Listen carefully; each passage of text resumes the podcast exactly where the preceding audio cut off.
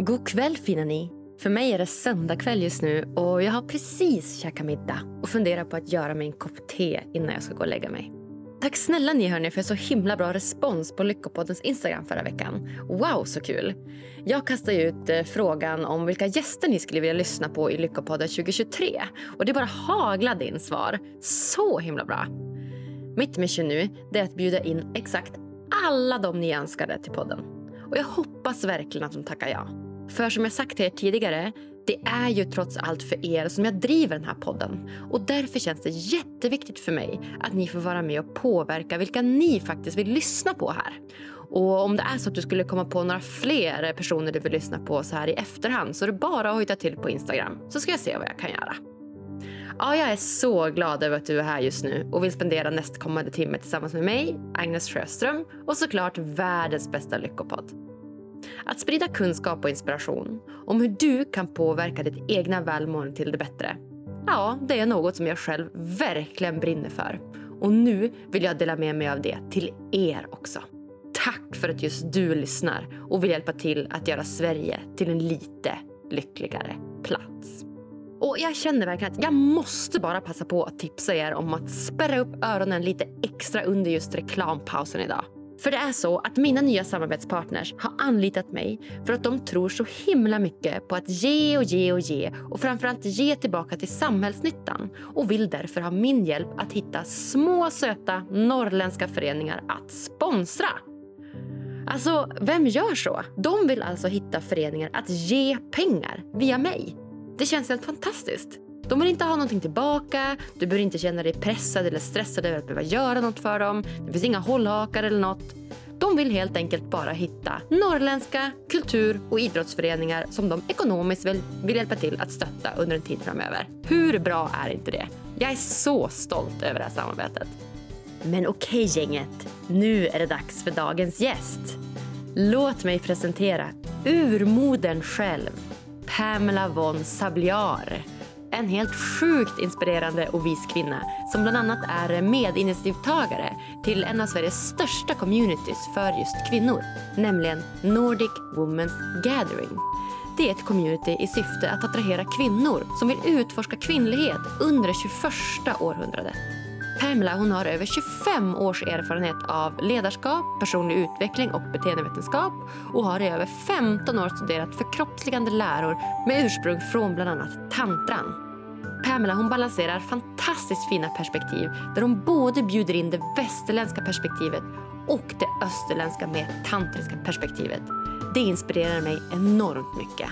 Och i en fantastisk balans mellan just intellektet och kroppens visdom guidar Pamela oss här genom sin livserfarenhet av feminism, om hennes erfarenhet av utforskandet av kvinnlighet, om kvinnans perspektiv i det svenska samhället idag och om hur hon tror att vi skapar ett mer välmående samhälle framöver.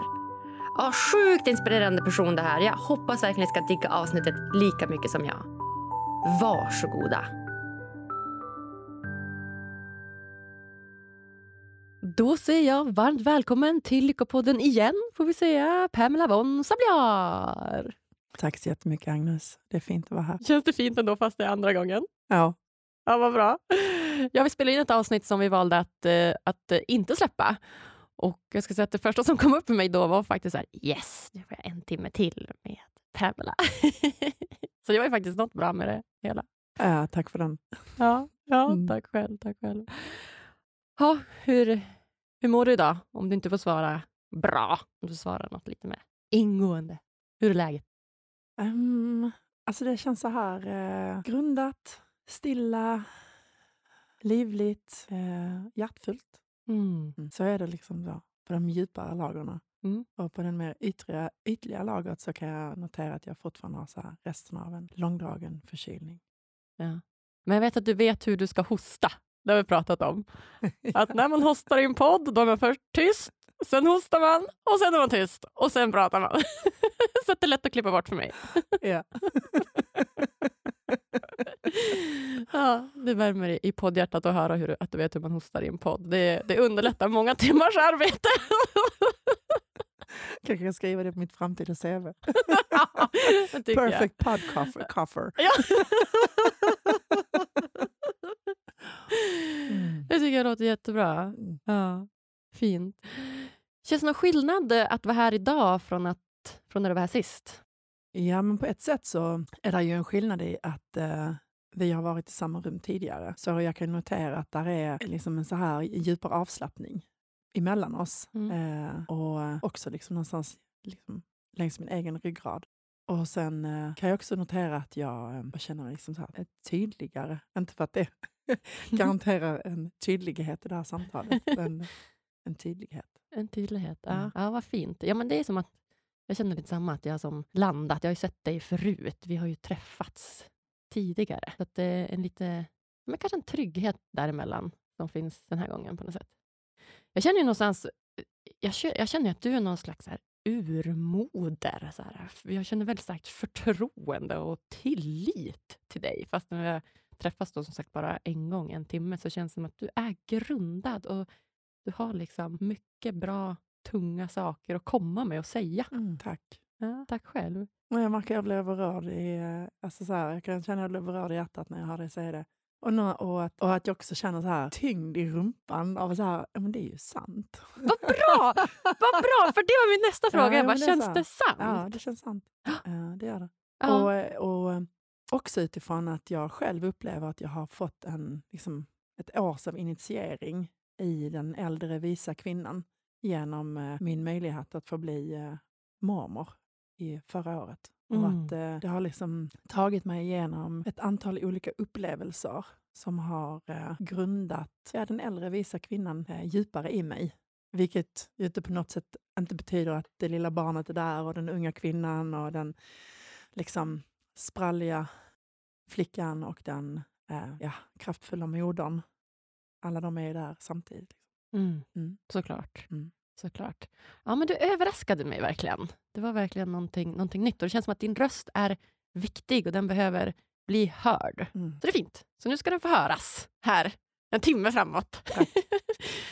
och eh, Anledningen till att jag bjöd in dig egentligen, det är ju för att jag eh, fick upp ögonen för dig i samband med Nordic Women's Gathering, mm. som är då ett community för kvinnor, mm. som jag förstår, som du är grundare och medinitiativtagare till. Mm, jag är jag säger co-initiator, medskapare. Medskapare? Ja, så jag vill inte kalla mig grundare. Vi var fyra kvinnor som gick in och mm, skapade den platsen. Just det, mm. så var det. Ja, och det har jag haft lite koll på ett tag. Och um, ja, men Från första början så tänkte jag så ja, men det här är jag nyfiken på. Varför gör ni det? Och varför är det här viktigt? Och vad är syftet och visionen? Och vad händer på de här gatheringsen? Och så vidare. Men sen efter vårt eh, senaste samtal så förstod jag att så här, det finns ju mycket mycket, mycket mer att prata om här. Och man skulle kunna lyfta upp det på en, en, en ännu högre nivå och dels prata om, om kvinnans roll egentligen i samhället, men också mannens mm. roll i samhället. Och lite hur, hur du ser på det idag och de olika perspektiven som finns. Mm. egentligen. Så vi pratade lite om, sist, jag tror vi, vi tog tempen lite på samhället känns det som pratade lite om ja, men, samhället och vad ja, men, lycka och välmående är i samhället idag och hur vi når, hur vi kommer dit egentligen. Det var så jag liksom, ja, så skulle jag sammanfatta det på något sätt. Känns det sant till dig? Mm, absolut. Ja. Absolut. Ja. Så jag tänker jag skulle vilja börja någonstans där. Mm. Känns det bra? Mm, kan vi göra. Ja, fint. Så om vi backar bandet så börjar ju du beskriva dig själv ganska bra tycker jag. Lite bakgrund om dig själv. Du sa ja, men, Pamela för, för 20 år sedan. Pratade mm. om. Mm. Du pratade om en, en likhetsfeminist som har varit det i en herrans massa år och hur du jobbar mycket för ja, men, pojkar och flickors likheter eller jämställdhet egentligen. Och, ja, men du pratar mycket om hur du jobbar med att utveckla skolsystemet inifrån och du pratar om vikten av pronomen och liksom inte prata om han och hon, utan hen och så vidare. Ska du inte börja, oss, börja med att ta oss igenom en resa? Pamela, 25 år. Vem var hon? Uh, vad spännande. Jag noterar ju att uh, du uh, väljer att uh, ta oss in i, tillbaka till vårt förra samtal. Och jag bara så här, oj, är det dit vi ska? Ja, okay. Jag älskade det samtalet! yes, vi fortsätter. och så refererar du till förra samtalet och bara, gud, minns jag det ens förra samtalet? så jag ska göra mitt yttersta för att följa dig. Uh, mm.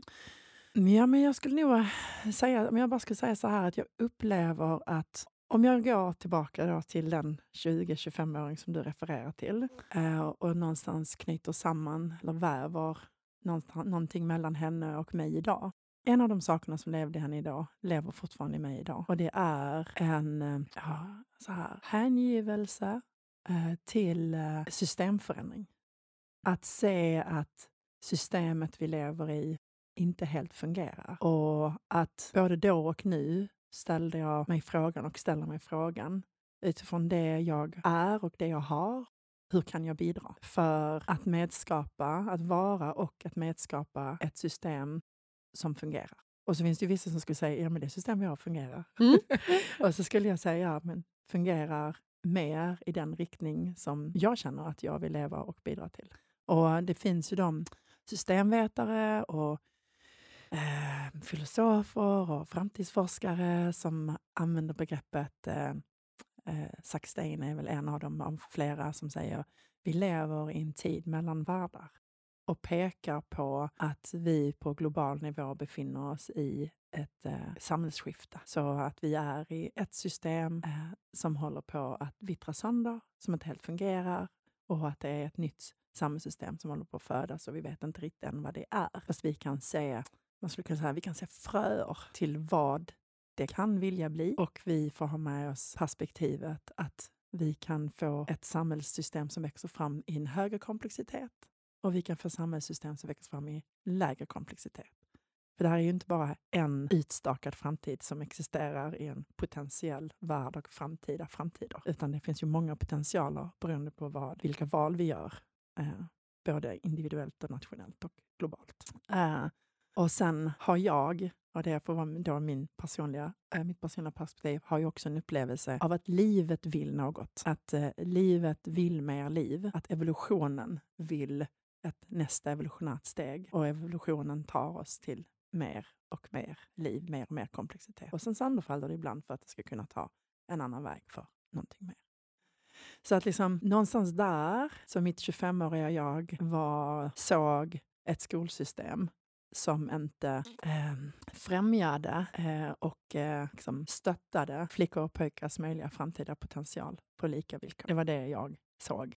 Och att vi inte hade, vi hade kanske samma rättigheter och skyldigheter, men inte alltid samma förutsättningar. För beroende på pedagogen som då var ledaren i det rummet, beroende på dens perception, så påverkade hur den bemötte eh, de barnen hade framför sig. Mm. Och som du själv nämnde så var jag fullständigt övertygad om att det fanns inga skillnader på män och kvinnor. Mm. Uh, och uh, skulle säga att jag totalt förträngde faktumen att där finns en biologisk skillnad. Och sen är inte biologi det enda vi är. Vi är både biologiska, psykologiska, sociala och existentiella varelser. Och det var jag passionerad i under många, många år och eh, jobbade med att förändra skolsystemet inifrån och utbildade pedagoger och elever och skolledare och kommunfullmäktige och övriga och skrev metodböcker och eh, jobbade för att den postmoderna våg av att dekonstruera kön. Mm. Så ibland så säger jag mig eh, lite glimt i ögat, lite skämt och allvar. så, så här, ja, jag var med och eldade på den vågen som jag idag bara, så här, bara säger oj, oj, oj, oj. Something has gone wrong. uh, och utan att på något sätt säga att det som har varit har varit fel. Utan jag är övertygad om att det har varit en del av evolutionen. Och jag hade fel i vissa av de sakerna som jag stod mm. och sa och höll som mina perspektiv och sanningar då. Idag står jag på platsen av att eh, säga ja till den evolution av de att dekonstruera bland annat kön och sexuell läggning och religion och etnicitet och liksom alla de olika diskrimineringsgrunderna, att dekonstruera dem för att något sätt skapa mer individuell och kollektiv frihet.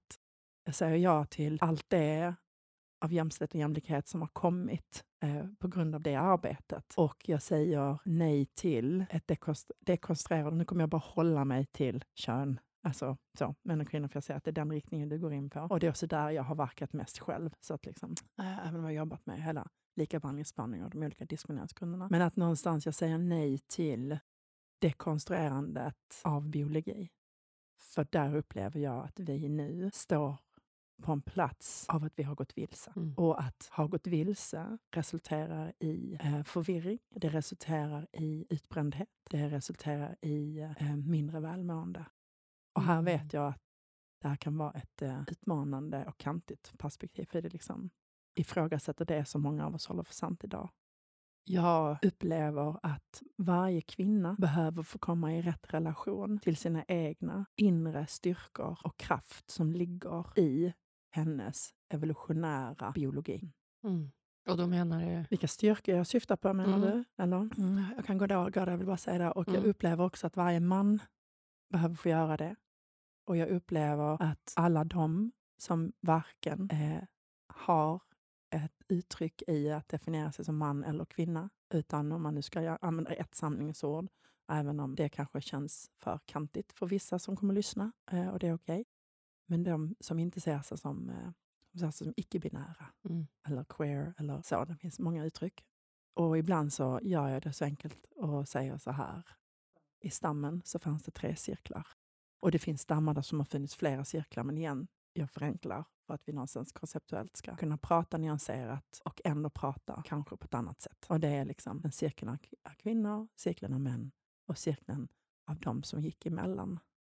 Och att alla dessa tre cirklar behöver hitta sin egen biologiska evolutionära kraft och styrkor och hamna i rätt relation till sig själva och till varandra. Jag ser att det är av vikt för ett samhälle som blomstrar, som är välmående, kreativt och är i kontakt. För det här hänger samman med att det moderna samhället, som är det samhälle som håller på, den civilisationen som håller på att falla sönder. Och för det nya, vad det nu än, det finns vissa som kallar det det metamoderna. Och det finns de som bara säger frågetecken, eller mm. XX. Eh, och så finns det andra uttryck för det. Vissa kallar det regenerativa. Att i det moderna så bygger samhällsberättelsen på separation i det som är framväxande. Det som jag pekar på i det framväxande, för det finns som sagt flera framväxande trender just nu av framtiden, är helhet. Mm. Och om man nu ska liksom nyansera mellan separation och helhet, så är det i sådana fall icke-kontakt mellan delar. Icke-kontakt. Mm. Och ett av utmaningarna just nu, om vi tittar på ett större perspektiv, som då är miljökrisen, hur vi än vill definiera den, att om vi människor inte kommer tillbaka till det som är naturligt för oss i några samhällsberättelser bort, alltså eh, eh, urinvånarkulturen, på engelska indigenous, där vi såg oss som en del av ett ekosystem, som en hel, del av helheten. Vi såg oss som helhet, i kontakt. Vi var natur. Att om vi inte kallar hem det medvetandet från den samhällsberättelsen in i vår moderna samhällsberättelse. Vi ska inte stöta bort den moderna samhällsberättelsen. Vi ska kalla hem den delen i det moderna. I det finns en möjlighet till något nytt som kan framväxa. Och där menar jag att vi behöver kalla hem biologin och kontakten med vår biologi som kvinnor, som män och för det som går emellan. Mm. Och där hamna i rätt relation till varandra. För att vi ska funktionellt och välmående kunna skapa någonting annat tillsammans. Mm, mm, verkligen. Miljön är ju bra där. Alltså det, för det är ju verkligen ett bevis på att det kanske inte fungerar idag. Alltså mm. det, vi går ju mot en bottenlös grund. Så där är det ju bara så att det, det funkar inte i det samhället som är och det behöver ju liksom... Ja, och länge som vi människor separerar oss från och inte ser oss som en del av den mm. naturliga kedjan och natur, mm. så kan vi fortsätta att utarma mm. resurserna. Vi kan fortsätta att skapa icke-harmoni och icke-balans i ekosystemet. Om vi väljer att gå in och dels öka kontakten med våra kroppar, och öka kontakten med att vi är natur och att vi är inte bortkopplade från naturen, som är en del av den moderna samhällsberättelsen. Verkligen. Så kan vi ta mer ansvar och eh, titta på vad är, är ett, vad är det vi behöver välja för att återta det generativa och leva på den platsen eh, tillsammans. Mm. Mm. Verkligen.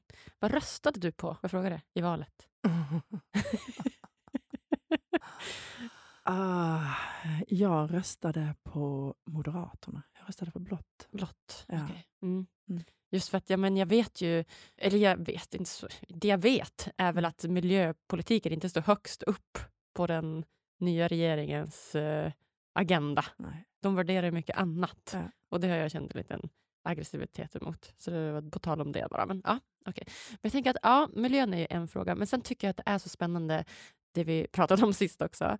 Det med att du ändå gått från liksom 25-åriga Pamela som är mm. likhetsfeminist till som du säger nu, att nu förstår att just det finns en skillnad rent biologiskt på, på män och kvinnor. Skulle du vilja ta vid där och berätta lite grann? Vad, vad ser du för utmaningar för till exempel att börja med kvinnor idag? Vad har de för styrkor och vad har de för utmaningar kanske? Mm. Vad behöver få ta plats? Vad är det som behöver liksom få finnas? Mm. Och här skulle jag nog liksom vilja förtydliga och göra ett avstamp i. Um, Nordic Women's Gathering. Mm. Vi, I vår inbjudan till vår årliga sammankomst så är det tydligt att vi skriver, vi bjuder in dig till att utforska kvinnlighet i det 21 århundradet. Och där vill jag liksom så verkligen understryka redan här nu i samtalet att jag känner inte att jag har ett färdigt svar på det. Jag känner inte att jag vet. Jag upplever att jag är i ett utforskande. Jag upplever att jag har hittat några utgångslägen som känns djupt sanna utifrån det som jag ser i kanske som jag ser i relation till kanske ett av mänsklighetens äldsta ledarskap. Och det är moderskapet. Mm. Och då pratar jag inte endast om moderskapet som handlar om att du behöver ha ett eget mänskligt barn. Även om jag kommer just nu svara på din, försöka svara på din fråga genom moderskapet och relationen mellan barn och mamma. Det jag upplever att jag har kunnat se på, liksom, genom att studera det ledarskapet så ser jag att kvinnan ser ut att ha, utifrån tusen och tusentals år av evolution, en kapacitet att lyssna in, känna in subtila impulser i den relationella väven. Mm. Att kunna plocka upp impulser som knappt ens är liksom markbara för våra fem sinnen. Mm. Om ett annat ord för jag skulle kunna säga var in, stark intuition, instinkt mm. eller ett inre vetande som kommer från en djupare plats än den liksom, rationella hjärnan. Vi vet eh, att, och, och sen varje gång jag känner att jag ska relatera till forskning så har jag alltid den här rösten som ploppar upp i mitt huvud. Ja, och forskning den kan förändras. För idag säger den det här och om fem år säger någonting annat. Ja. Och att forskning i det västerländska samhället är en dogg. Precis som religion har varit, lalala, eller är. Just det. Uh, och samtidigt så är den viktig. För det är ju via forskningen, alltså forskning har ju någonstans i sin grund ett djupt nyfiket utforskande som sätter av för att förstå verkligheten vi lever i. Och sen är det ju tyvärr så att vi ibland liksom använder det som, ett, som en ursäkt för att inte fortsätta vara nyfikna. Men där är ju också flera studier som visar på att eh, kvinnan har fler spegelneuroner, vilket gör att hon är bättre på att läsa av eh, en emotionell kompetens, eh, exempelvis. Så att hon har större förmåga till att eh, förstå relationell helhet.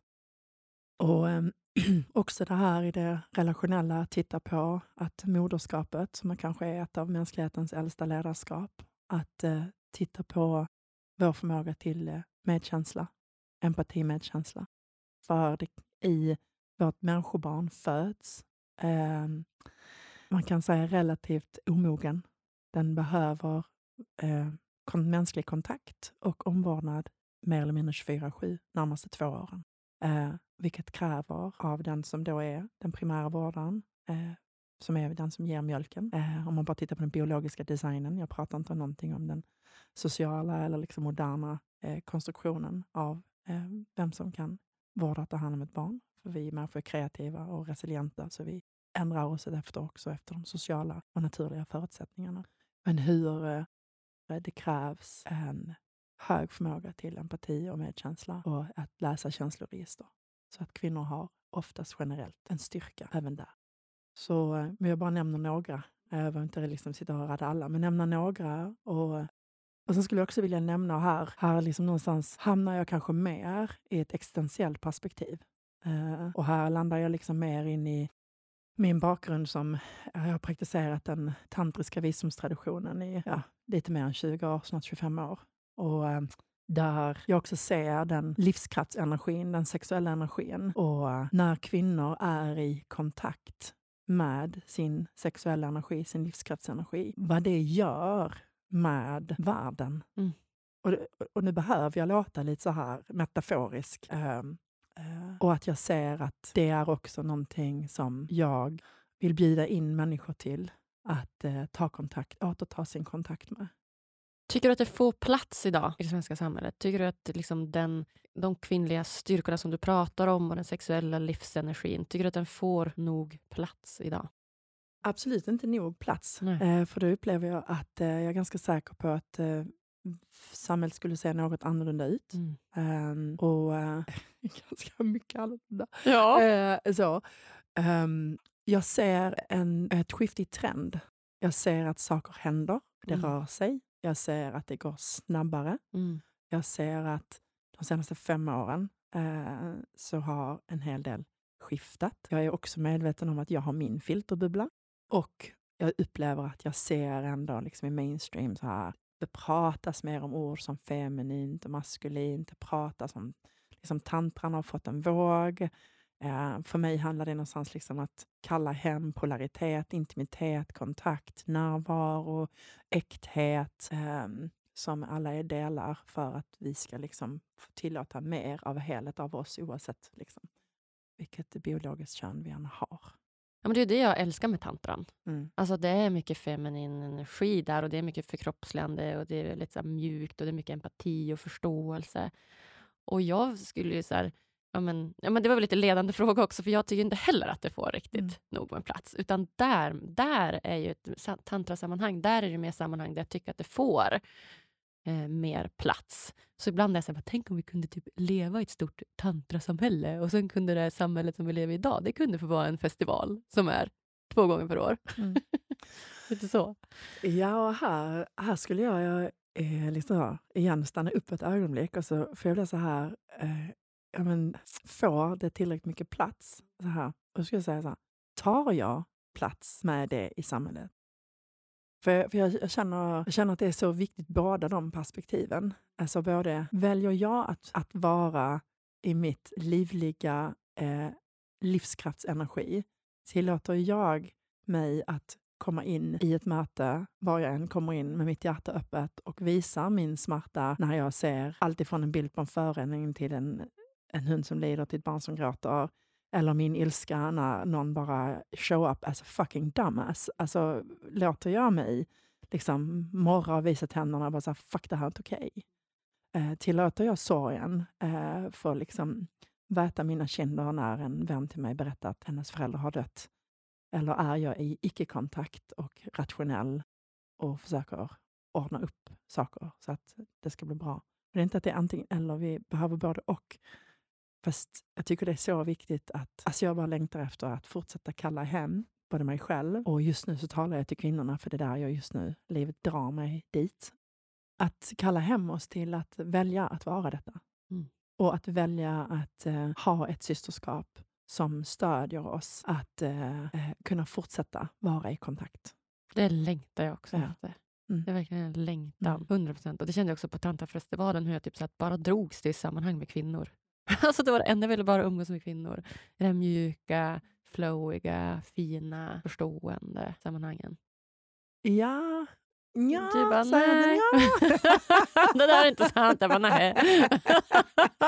nej, för det är nej. två saker. Det ena är uh -huh. att, jag vill säga det, att, och från den platsen kalla på männen och kalla på den tredje. De får också vara med. Absolut, och ja. den tredje cirkeln. Det handlar om att kalla hem oss alla ja. i rätt relation till varandra. För mig är det så viktigt att återigen det här helhet. Ja. Eh, eh, jag vill inte ha eh, kvinnorna i ena hörnan, män i andra hörnan, den tredje där och sen vad som mer ska eh, vara där som jag inte nämner. Eh, och samtidigt så behöver vi också vara i våra olika platser. Och för många av oss träna på att vara i djup kontakt med det som verkligen är det jag är. Och, och så för mig är inte kvinnlighet bara det mjuka och fina, utan det är det här att kunna, alltså för, men om vi bara går tillbaka igen till naturen. Och återigen, nu tar jag det här perspektivet, där är som sagt de andra också, som vi kan prata in i och prata ur och prata från. Alltså en björnmamma vars ungar är hotade. Uh, she's not nice. Nej, vill nog inte möta alltså, i skogen. Hon visar tänderna och ja. slem dreglar och hon ryter ja. ifrån tårna. Ja. Och jag ser ju också att, och, och liksom den, den vilda vittran. Mm. Alltså det här att ruska om, det feminina ruskar om. Mm. Det feminina kommer med kaoset. Och det längtar jag också efter. Ja. Alltså välkommen. Ja. Ja, kom så, kaoset. Så, för ibland så är de här, um, all, med allt det vackra som vissa av de här medvetna eller tantra-communities eller conscious relating, och allt det vackra de kommer med och bjuder in människor till, så är ibland så kan det också finnas den här liksom fluffiga filten av bypassing av mm.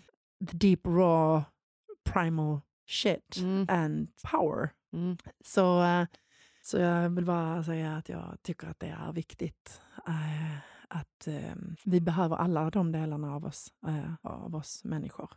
Av oss i människan. Allt ifrån det som skyddar liv. Eh, och skydda liv gör du ibland genom att ta liv.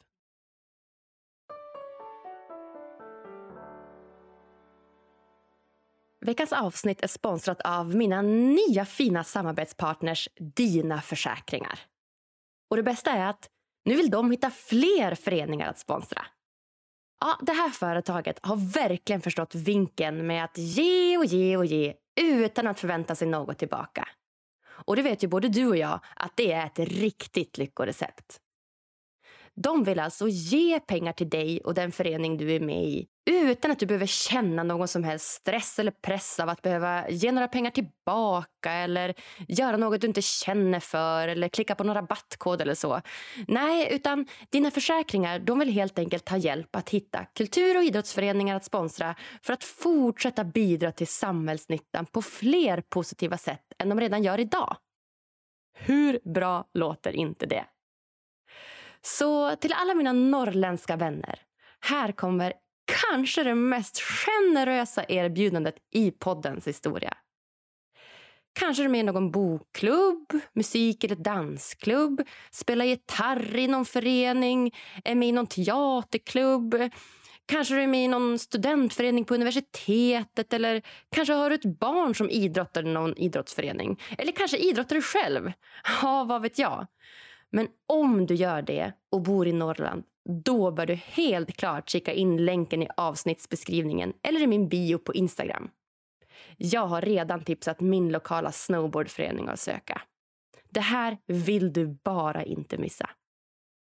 Och just ja, det kan vara bra att förtydliga också att med Norrland så menar vi alltså stor, stor Norrland. Alltså från Härjedalen upp till Kiruna. Och inte Norrland då som är från Umeå uppåt som jag ibland eh, skämtar om i podden. Nej, utan i det här fallet så gäller det också Åre och Sundsvall, Östersund och eller om du kommer från något annat eh, gulligt ställe från Västernorrland, Jämtland, Norrbotten eller Västerbotten. Och du, om din förening dessutom bidrar till barn och ungdomar, integration eller jämställdhet då ligger ni lite extra bra till här vill jag lova.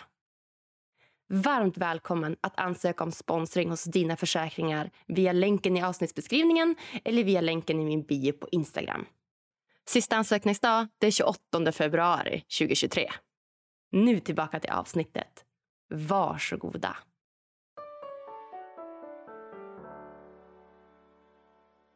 Jättemålande förklaring av liksom kvinnans roll. Om vi hoppar till mannen då? Det här kommer jag ihåg att vi var i förra gången också. Ja, vart har vi mannen i det här? Vart får han plats? Och vad har han för styrkor och, uh. och uh, utmaningar? Mm. Och jag, mm, jag noterar att jag får samma impuls som förra gången. Ja. Uh, jag stannar upp här och tar ett andetag och blir mer närvarande. Vad säger den impulsen? Då? Det är att säga att eh, det är inte min röst. Nej, just det. Nej, det är inte min röst. Um, och det är inte samma sak som att eh, jag har, eh, jag vet inte ens om jag behöver säga detta, men jag har så mycket vackra män runt omkring mig som både stödjer det jag är och det jag kommer med och jag stödjer det de är och det de kommer med. Och eh, vi tränar på att komma i rätt relation till varandra med att eh, leka med polariteten av det feminina och maskulina, att tillåta oss att vara helheten av att vara både och. Eh, eh, att vara alla de kvaliteterna. Så jag vill att det är liksom, jag låter andra män få ha den rösten just nu. Mm. Eh, och, eh, jag tycker du målat upp det så himla bra sist. Jag kommer mm. ihåg att jag mm. utmanade dig lite då också, för mm. du sa lite att jag vill stanna och prata om kvinnan. Så jag bara, men kan vi bara prata lite om mannen också? Mm.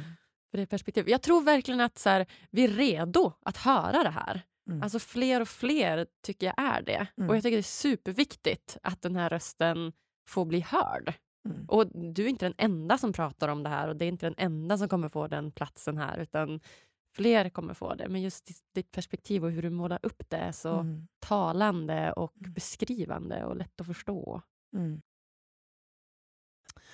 I, jag kan säga så här. Eh, i, om jag återigen, liksom, här kommer jag att vila ifrån ett eh, tantriskt perspektiv. Och jag kommer nu också märka, märka att det kommer in, så jag delar också ur kanske ett eh, perspektiv ur liksom, ja, den senaste hjärnvetenskapen. Um, oh, stopp. Bara det är ju vänta, så coolt, att du liksom bollar de här perspektiven. Att båda de här får plats. Mm. För det upplever jag också att det brukar vara så mycket antingen eller. Mm. Och du står liksom med en fot i varje och det är imponerande. Mm. Fortsätt. Tack. Mm. Och, och, och, samtidigt skulle jag vilja säga att, att, redan här är det för mig en förenklad bild. För nu lyfter jag bara de här två perspektiven. För att jag upplever, ska vi ens komma i närheten av den möjliga helheten och komplexiteten så är det så många fler perspektiv än de två. Mm. För det är svårt. Människans stora utmaning är komplexitet. Att hålla mer än ett perspektiv samtidigt och kunna liksom leka med dem Ja, just det. Och så det också. Och där också. Och någonstans emellan de här perspektiven så växer det fram en nyanserad och rikare bild i hållen av en total ödmjukhet mm. av att vi inte vet och att vi utforskar och har öppenheten för att liksom vi, vi förstår i utforskandet och att vi inte kan förstå medan vi utforskar helheten och komplexiteten av det. Men okej, okay, bak tillbaka i att i det, alltså, ett sätt som jag skulle kunna uttrycka, och då kommer jag liksom mer från min tantriska erfarenhet och det jag läst inom den, din visdomstraditionen och min eget, mycket mitt eget utforskande, är att man skulle kunna säga så här att om kvinnan, eller det feminina, för det feminina och maskulina finns inom varje man och kvinna oavsett liksom, vilken eh, sexuell läggning du har. Så det innebär att i alla tre cirklar, vi använder det begreppet eh, för att någonstans göra mig förstådd. I det feminina så säger man det är det livgivande mm. och det maskulina då i sin kärna är det som skyddar liv, som håller livet. Någon annan kanske skulle uttrycka kaos och ordning. Så tittar vi då tillbaka till att vi är flockdjur. Vi lever i, vi har levt vad man ser om man tittar, har forskat på ursprungstradition, ursprungsbefolkningen. Eh, så ser det ut som att vi har levt i grupp, de här tre cirklarna eller flera, men jag håller mig till det. Och att barnet och kvinnan, det är livet. Det är det som är det i mitten, den cirkeln som är runt om, som skyddar liv, som, eh, som eh, tappade det engelska ordet, eller svenska ordet, eh, provide. Alltså, eh, ge? Ger, ja, ja ger liksom. Eh, till liv. Och, eh, och så har vi den liksom, tredje cirkeln som går emellan och eh, liksom, mellan världarna, väver mellan världarna, kommunicerar mellan världarna, liksom, tar in den kreativiteten mellan världarna. Och, eh, och jag tittar jag liksom, om jag bara tittar på vårt svenska samhälle idag, så är vi på en plats i vår postmoderna dekonstruerande, där vi, många kvinnor, har blivit, går mer åt att bli män mm. eh, i de kvaliteterna. Och män, det som är naturligt för dem, ses som någonting fult och fel. Mm. Om jag bara ska försöka. Ja. Mm jag tar ju så mycket komplexitet och bara liksom förenklat ner det typ en mening. Som mm. redan nu bara känner mig cringe i ja. systemet. Ja, det får vara så. ja. Um, ja, och där någonstans bara, jag är djupt nyfiken på vad vårt nästa möjliga evolutionära steg. För där upplever jag ju också att vi är. Alltså som du säger, att kvinnor, vi försöker ta på oss eller efterlikna egenskaper som som män har och män får inte riktigt plats mm. igen. Mm. Och för mitt 25-åriga jag, om hon gick in i ett rum med män, det första hon skulle göra skulle vara att börja tävla mot varje man i rummet. Mm. Jag skulle börja tävla i mitt sätt att eh, liksom, äh, uttrycka mig, röra mig, bete mig. Mm. Jag skulle vara lika stark som dem. Jag mm. skulle vara, alltså jag, jag värderade ju, jag hade ju ett inre, en inre berättelse att vara man är högre värderat än att vara kvinna. Mm. Att det som jag såg som kvinnligt, det mjuka, det liksom inkännande, inlyssnande, det känsliga, det, det empatiska, eh, det sensuella. Allt det såg jag som något lägre värderat. Mm. Så jag försökte att bli man och därmed förtrycka och förvränga de delar av mig som utifrån den samhällsberättelse som jag har varit en del av och de såklart också familjeberättelser jag varit med om och de trauma som finns i min familj på kvinnligt och manligt och män och kvinnor som alla har präglat mig. Och det som jag har varit eh, i generationer bakåt eh, som ligger liksom i mitt DNA och möjligtvis det som kommer via det existentiella som kanske aldrig försvinner och alltid existerar. Så för mig var det en konstant tävling. Och eh, i det så fanns det ju inte en möjlighet för mig att omfamna det fantastiska stödet som finns i min upplevelse idag i de flesta män. När jag som kvinna från en mjuk del av mig ber om stöd, uttrycker en längtan, en hunger till någonting, ett behov, en gräns. Att det är så naturligt för män att säga ja, vad kan jag göra för dig? Mm, fint. Mm.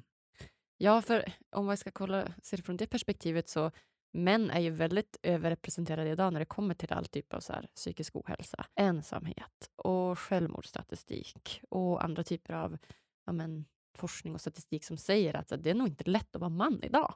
Alltså det har också sina utmaningar. Vilka ser du som de största utmaningarna som man idag? Alltså, jag känner instinktivt att jag inte vill gå dit. eh, för som jag sa till dig tidigare, att eh, jag vill eh, låta männen bära sina egna röster. Eh, och eh, där jag hellre skulle vilja sitta i ett samtal med, med dig och en man att, och utforska från den platsen tillsammans. Och jag känner också att jag vill stänga eh, mitt svar som kom på det frågan du ställde, för det här med kan du inte säga någonting om mannen? Mm. Så vill jag bara ta in det liksom, hjärnvetenskapliga perspektivet. Mm. Att, eh, eh, oh, nu tappar jag hennes namn, hon har skrivit boken Vagina, Naomi oh, nu tappar jag hennes efternamn, men, men jag har fått tillräckligt mycket information så ni kan googla hennes efternamn. Mm. Um, hon beskriver ett par studier i den boken uh, just kring hjärnforskning. Där vi vet idag, och igen, vi vet inte vad forskning kommer säga om tio år, men vi får, det är det här vi vilar på idag. Vi vet idag att rent neurologiskt så är kvinnan och mannens sexualitet olika utifrån ett neurologiskt, biologiskt perspektiv. Och här så är det också en eh, ett okänt fält, för de skriver också i den här eh, studien att man har inte gjort den här forskningen på exempelvis eh, eh, homosexuella eller bisexuella. Så vi liksom får stanna i det, i det heterosexuella, liksom. de använder de termerna i det fältet. Men där vi ser utifrån hjärnvetenskap att för att aktivera, där är liksom en, en tydlig nerv som går mellan kvinnans hjärna och hennes könsorgan. För att aktivera sexuell upphetsning i kvinnan det första steget som behöver hända i hennes eh, hjärna och biologiska system är trygghet. Mm. Och det går väldigt nära hand med, om man tittar på en tantriska som säger hon är livgivaren och han skyddar livet. Mm. Skydd är ju trygghet. Alltså om man gör någon form av förenkling översättning. Och, och att eh, nästa liksom, indikation, eh, exempelvis på vad det här handlar om då, rent hjärnvetenskap, så är det just, just det som jag nämnde innan att när kvinnan blir gravid och ska föda avkomman så behöver hon stöd i minst två år. Mm. Mm. Och att det då är väldigt kopplat till att hennes sexualitet ska aktiveras när det är trygghet. Mm-hmm.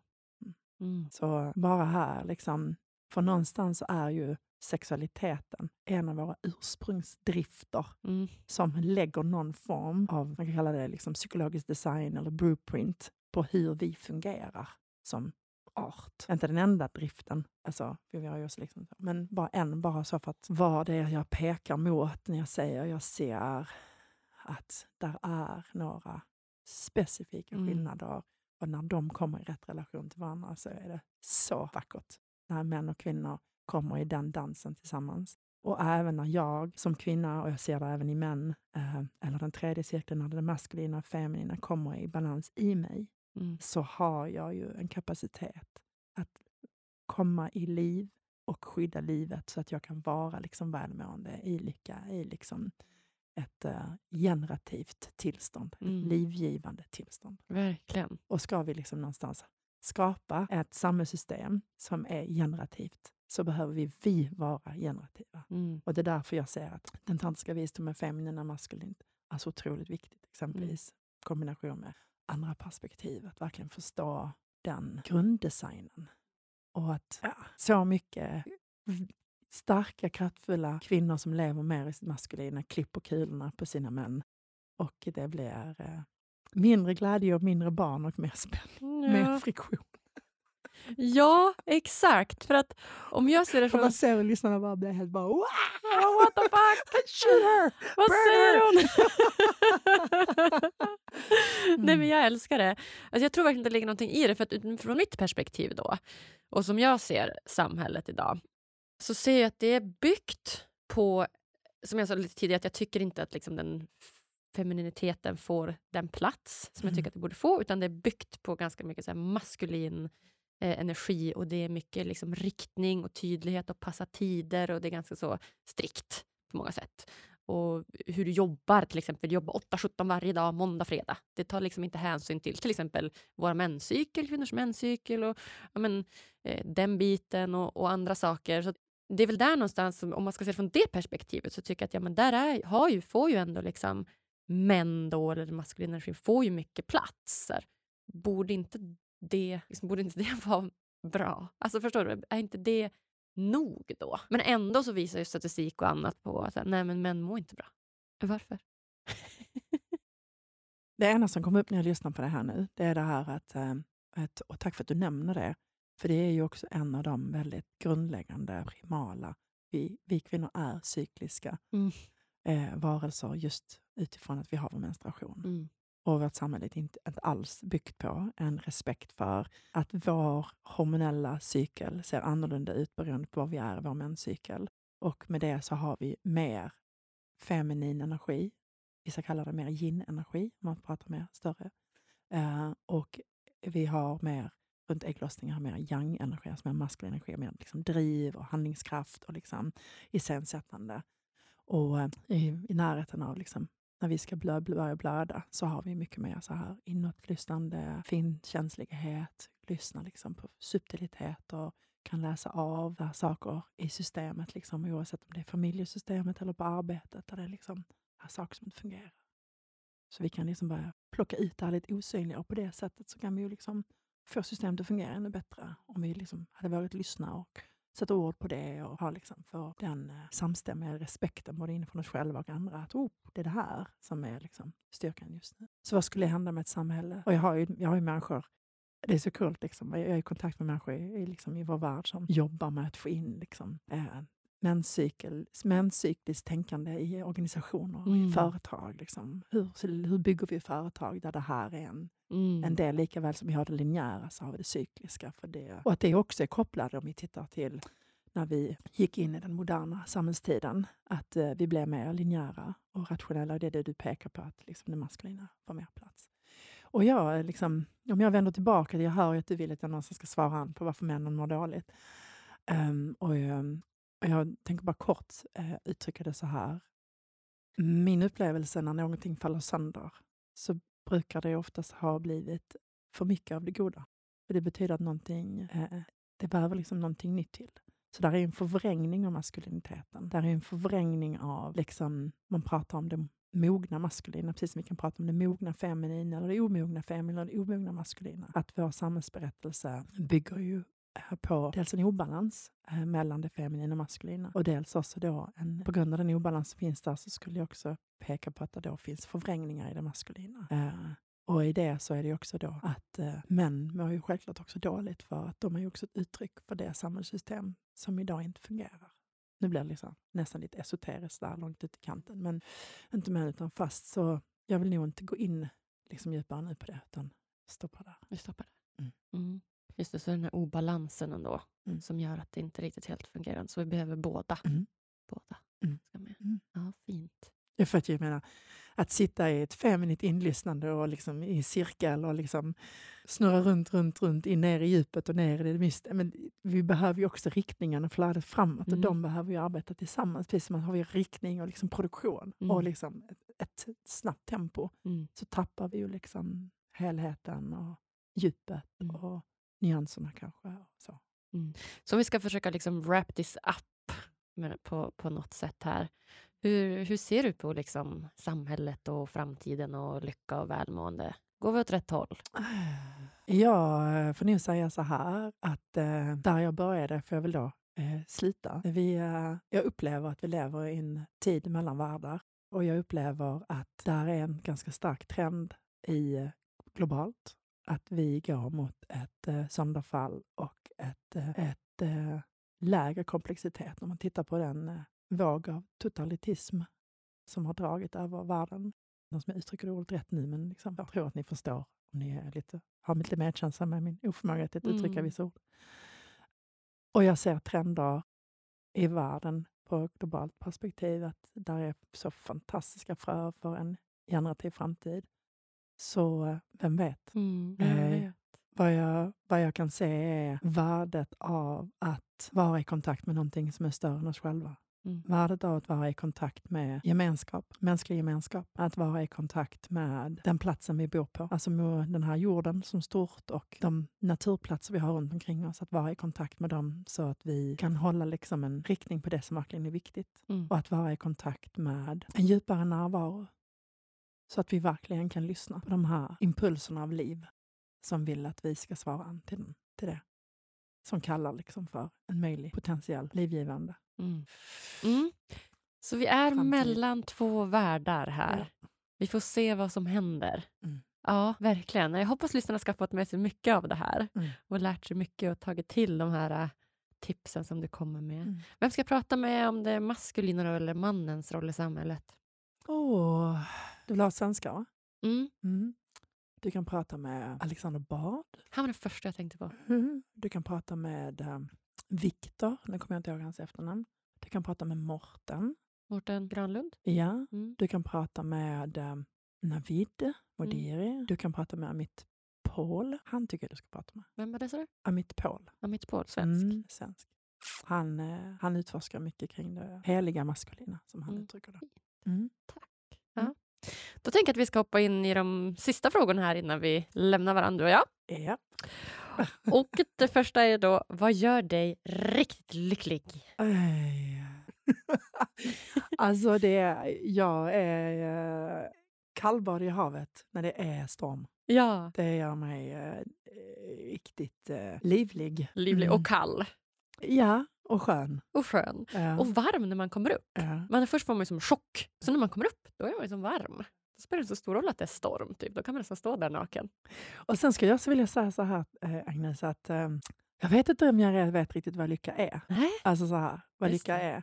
Jag har lätt att relatera till livlighet. Ja. Äh, jag har rätt, lätt att relatera till att jag känner mig liksom full av eros, alltså livskraft. Mm.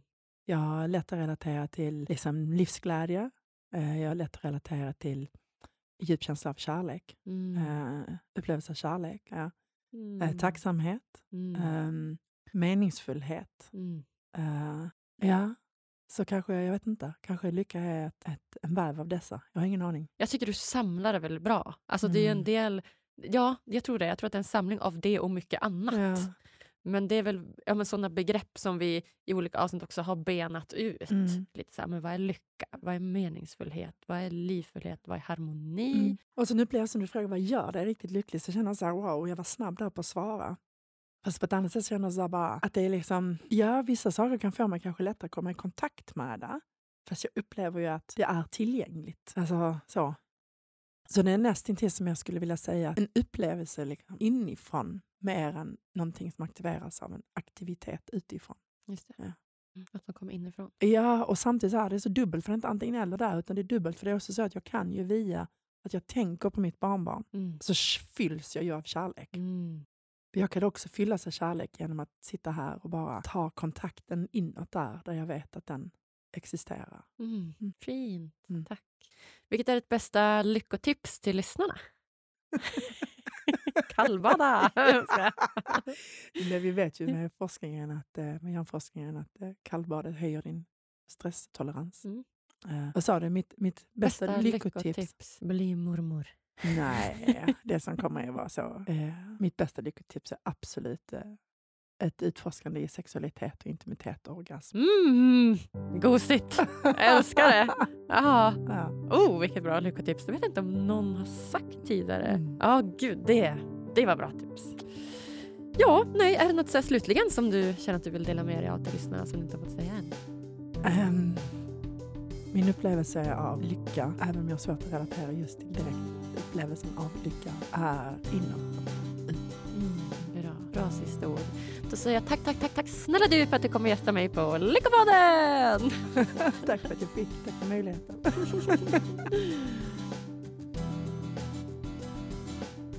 Visst är hon helt sjukt inspirerande, Paula? En sån klok, vis och fin kvinna. Hon är i mina ögon en riktig urmoder. En sån där klok kvinna som alla personer förtjänar att ha i sin närhet.